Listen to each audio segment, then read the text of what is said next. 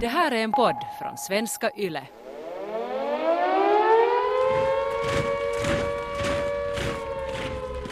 Ruut Munk itse kulki lottapuku päällään, joka viittaa siihen, että hänellä tietyllä tavalla ainakin oli tämmöinen Lottasvärd-järjestön mandaatti ehkä, mutta tämmöistä virallista mitään en ole löytänyt. Ja yleensä Lottahistorioissa ei kyllä juurikaan puhuta Lottasvärd-järjestön yhteyksistä suomalaiseen SS-pataljoonaan. Från 1920-, 30 och 40-talen finns ett antal fotografier på Rut Munk. Hon är alltid klädd i den gråa Lotta Svärd-dräkten som hon bar med stolthet. Också under sina resor till Tyskland under andra världskriget då hon reste runt för att hälsa på de frivilliga soldaterna som ingick i den finländska SS-bataljonen. Även om Rut Munk hade Lotta Svärd-rörelsens välsignelse för att bära Lottadräkten under dessa resor var det inte de som stod för arrangemangen, inte heller för kostnaderna. Du lyssnar till den andra delen av podcastserien Friherrinnan som blev fosterlandsförrädare. Rut Munks liv bland jägare, lottor och SS-soldater. Mitt namn är Marit Lindqvist. Sulle laulan Suomen Lotta, laulun reippaan. Tää on kaikki aivan totta, soikohon siis kauttamaan. Sankari mielin, työtä på 1920-talet etablerade sig Lotta Svärdrörelsen som en del av skyddskårsverksamheten för att upprätthålla en försvarsberedskap runt om i landet. Verksamheten genomsyrades av en stark vilja att försvara hem, religion och fosterland. Som medlemmar godkändes enbart kvinnor som bekände sig till den vita ideologin. Kommunister var portförbjudna, liksom i Finland bosatta judinnor. Ruth Munk anslöt sig till Lotta Svärd-rörelsen år 1921. Hon kom att ha ett antal höga poster inom organisationen i drygt tio år. Som medicinalchef i centralstyrelsen var hon bland annat med om att utveckla sjukvårdsutbildningen inom organisationen.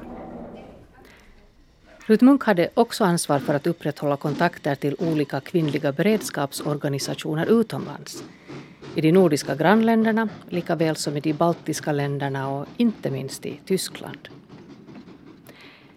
I Lotta Svärd-gestalten såg Rut sinnebilden för en stark kvinnlig förkämpe. En kvinna som i bredd med männen ansvarade för det frivilliga försvarsarbetet, konstaterar Elina Virtanen. Kyllä hän tuo esiin äh, todellakin voimakkaan naiskuvan. Hän oli 20- ja 30-luvulla Lottasvärd-järjestön johtohenkilöitä. Ja sitä kautta hän myöskin halusi tuoda esiin tämmöistä naisten maanpuolustuksellista toimintaa.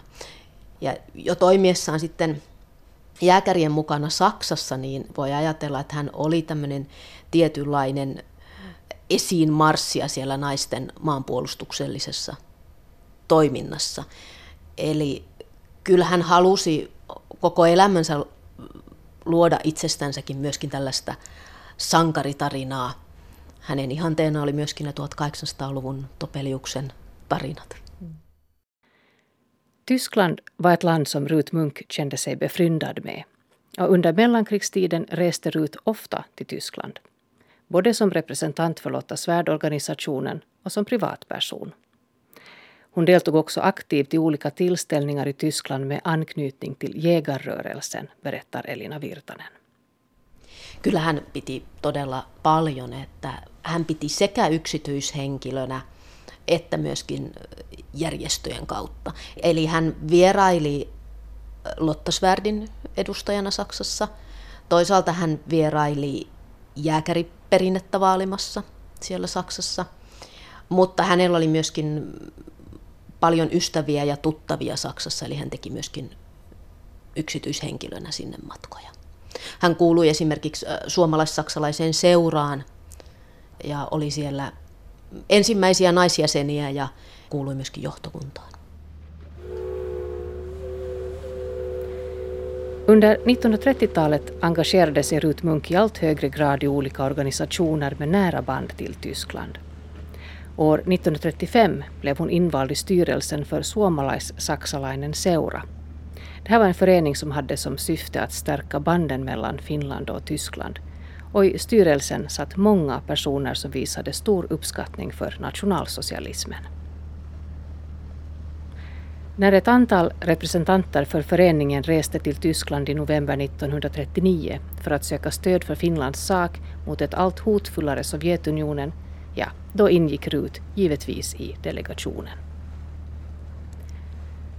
Delegationen fick äran att träffa Hermann Göring, men till delegationens stora besvikelse gav befälhavaren för Luftwaffe inga löften om militärt stöd från Tysklands sida. Men Kanske det var då som Rut Munk förärades med det signerade porträtt av Göring som lär ha stått på hennes skrivbord hemma på Leponiemi.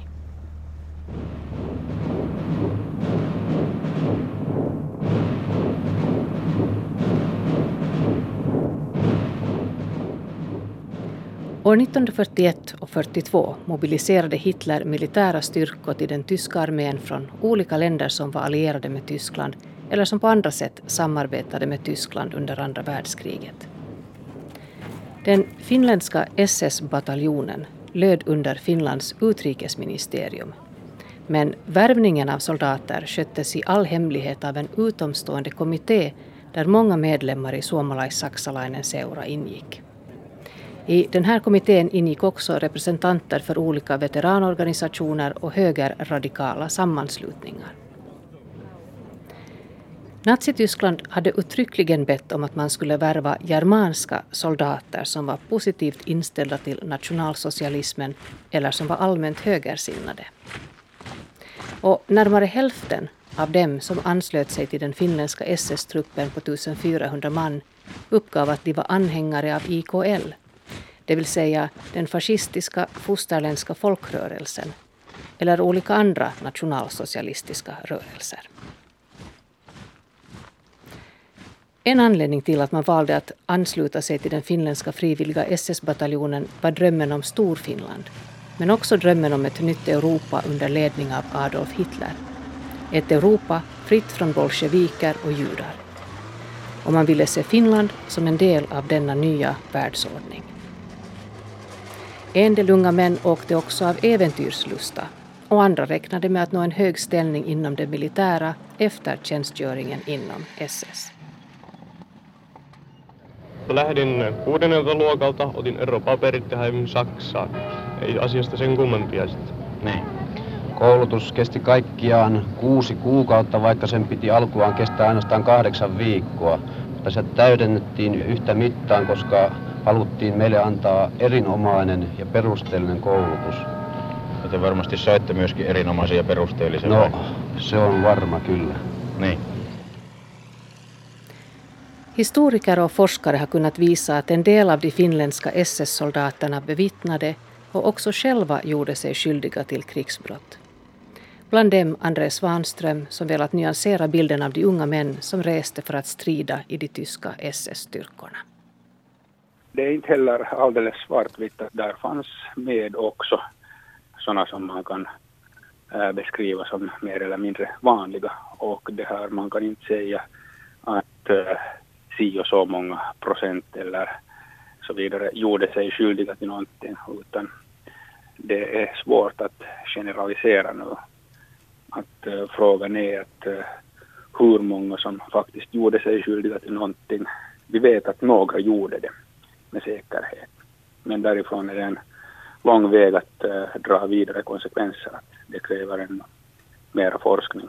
Men att uh, min forskning tar kanske fram på riktigt de här nyanserna i bilden. Att där fanns väldigt många sorter av unga män som, som gick med i den här rörelsen. Alla visste inte, hade inte exakt information vart de var på väg. Många av dem hyste fascistiska sympatier till viss grad och uh, andra var mycket övertygade. Men sen hade vi liksom med där också en och annan från Svenska Folkpartiet samlingsparti personer som inte var säkra på sin politiska hemvist. Så det var en, en blandad församling.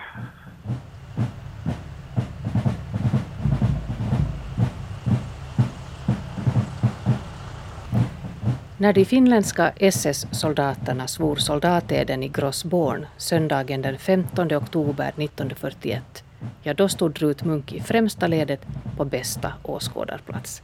Det kan man se på en filmsnutt som finns bevarad från tillställningen. Rut har givetvis på sig sin gråa Lotta svärddräkt och bredvid henne står en lång rad tyska officerare med högerarmarna utsträckta medan de finländska soldaterna svär trohet till den tyska rikskanslern Adolf Hitler med orden Jag svär dig, Adolf Hitler, tyska rikets ledare och kansler, trohet och tapperhet och lovar dig och de förmän du utsett lydnad intill döden, så sant som Gud må hjälpa mig. Rut Munk hade rest till Tyskland på uppdrag av den finländska SS-frivilligkommittén för att söka upp och bistå sårade finländska SS-män på olika tyska krigssjukhus. Och under en period på ett och ett halvt år genomförde Rut fem längre resor kors och tvärs genom Centraleuropa i jakt på sårade finländska SS-män. Resorna bekostades av den finländska staten genom SS-frivilligkommittén kun suomalainen SS-pataljoona lähtee Saksaan, niin, niin Ruth Munk tekee myöskin siinä aikana viisi erillistä matkaa. Eli hän, hän ei nyt lähde niin kuin jääkärien mukana, hän lähti pidemmäksi aikaa. Nyt hän tekee sinne erilliset matkat. Hänen tehtävänään on etsiä suomalaisia SS-miehiä suuren Saksan valtakunnan sairaaloista. Ruth Munks uppgift var att rapportera till det finländska förbindelsekontoret i Berlin om de finländska soldaternas vistelseort och hälsotillstånd och också att vara ett stöd för soldaterna som inte alltid hade så stora kunskaper i det tyska språket. Enligt Elina Virtanen var Ruth Munk i detta läge inte så mycket sjuksköterska som hon var själasörjare. Ruth Munk kulki junalla pitkin Saksaa ja etsi näitä suomalaisia. Ja kun hän heitä löysi, niin hän sitten ilmoitti Berliiniin näiden miesten osoitteet ja missä kunnossa he olivat, kenties tarvivatko he jotain apua.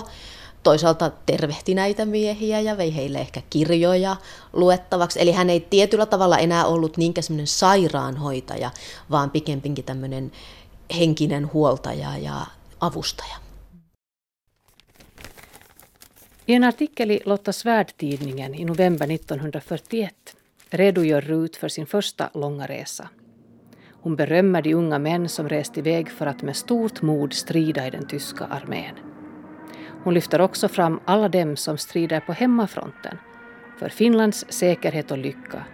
Betydelsen av deras gärning kommer att framstå i nytt ljus i den snara och vackra framtid som vi alla väntar på och som vi alla lever och dör för, konstaterar hon. År 1942 valdes Rut Munk också in i den SS frivilligkommitté som skulle ha hand om kontakterna mellan Finland och Tyskland i frågor som berörde de finländska SS-soldaterna. Bland de övriga medlemmarna i kommittén fanns många med starka sympatier för nationalsocialismen och flera med bakgrund i jägarrörelsen.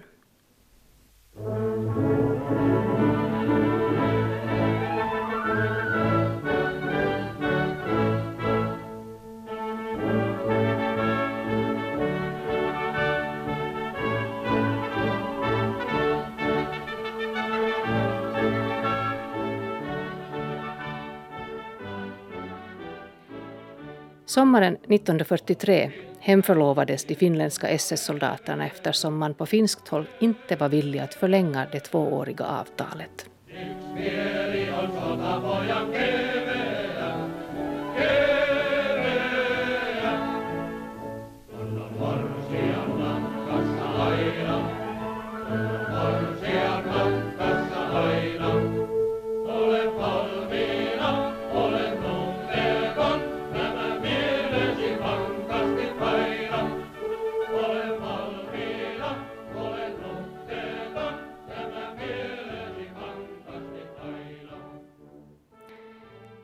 SS-soldaterna återvände till Finland hölls en stor fest på Pynikki idrottsplats i Tammerfors. Det var Kristi himmelfärdsdagen den 3 juni 1943 och Rut Munk var givetvis på plats. 950 finländska SS-soldater hyllades av tusentals tillresta släktingar, högt uppsatta tyska och finländska militärer, politiker och dignitärer och en hel del nyfikna ortsbor. Finlands flagga vajade sida vid sida med Nazitysklands flagga och den svartvita Waffen-SS-flaggan. Den tyska SS-divisionens musikkår och musikkåren vid Kuopio garnison spelade taktfast ett antal patriotiska marscher och Tammerfors arbetarförenings manskör stämde upp i såväl Nujamiesten Marsi som Horst Wessellied. På plats var också den tyska generalen Felix Steiner som hade ansvarat för den finska frivilligbataljonen inom Waffen-SS.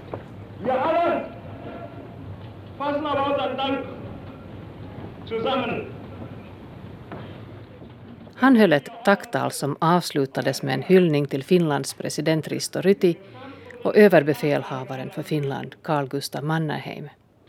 Av politiska skäl var dock ingen del av dem på plats.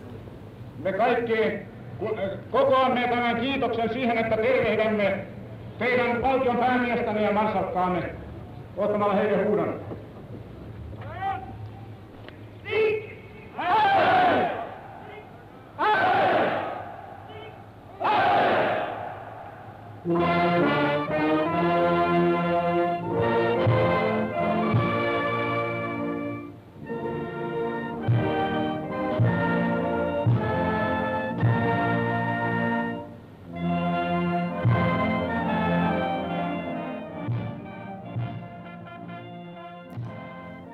Frågan är om Rut Munk visste vad som för sig i Tyskland, vilka krigsbrott som också en del av de finländska SS-soldaterna gjort sig skyldiga till och om hon i så fall ansåg att det var ett pris man var tvungen att betala för drömmen om ett nytt Europa.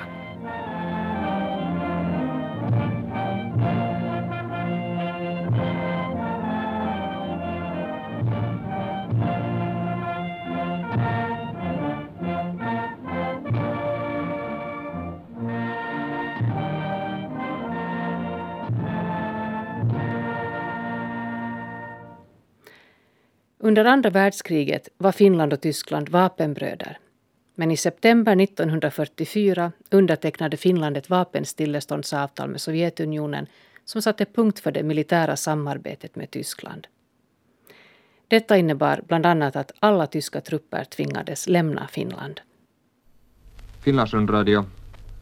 Bästa lyssnare, nu talar tjänstförrättande statsministern Ernst von Born. Medborgare den 19 september 1944 kommer att i vår historia bevaras som en den tunga prövningens dag för vårt folk.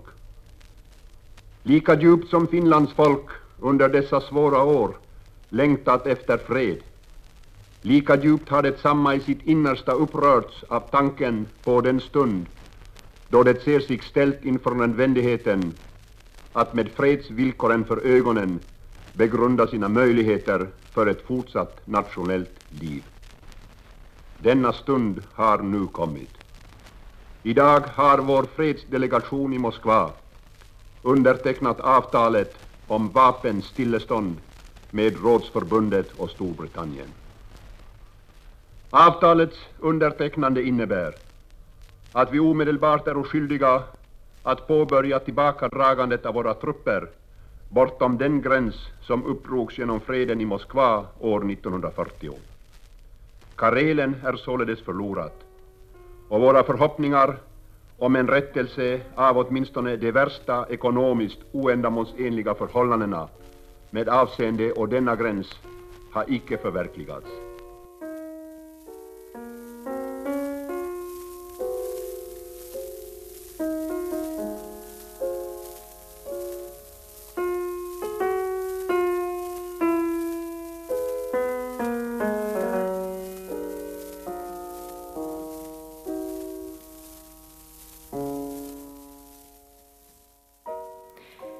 I oktober 1944 reste Ruth Munk till Berlin där hon stannade i ett halvår innan hon återvände hem till Finland. Två år senare, hösten 1946, arresterades Ruth Munk i sitt hem på Leponiemi och hon anklagades för landsförräderi. Vad hade Ruth Munk sysslat med i Berlin från oktober 1944 till april 1945? Det klarnar i den tredje och avslutande delen av podcastserien Friherrinnan som blev fosterlandsförrädare.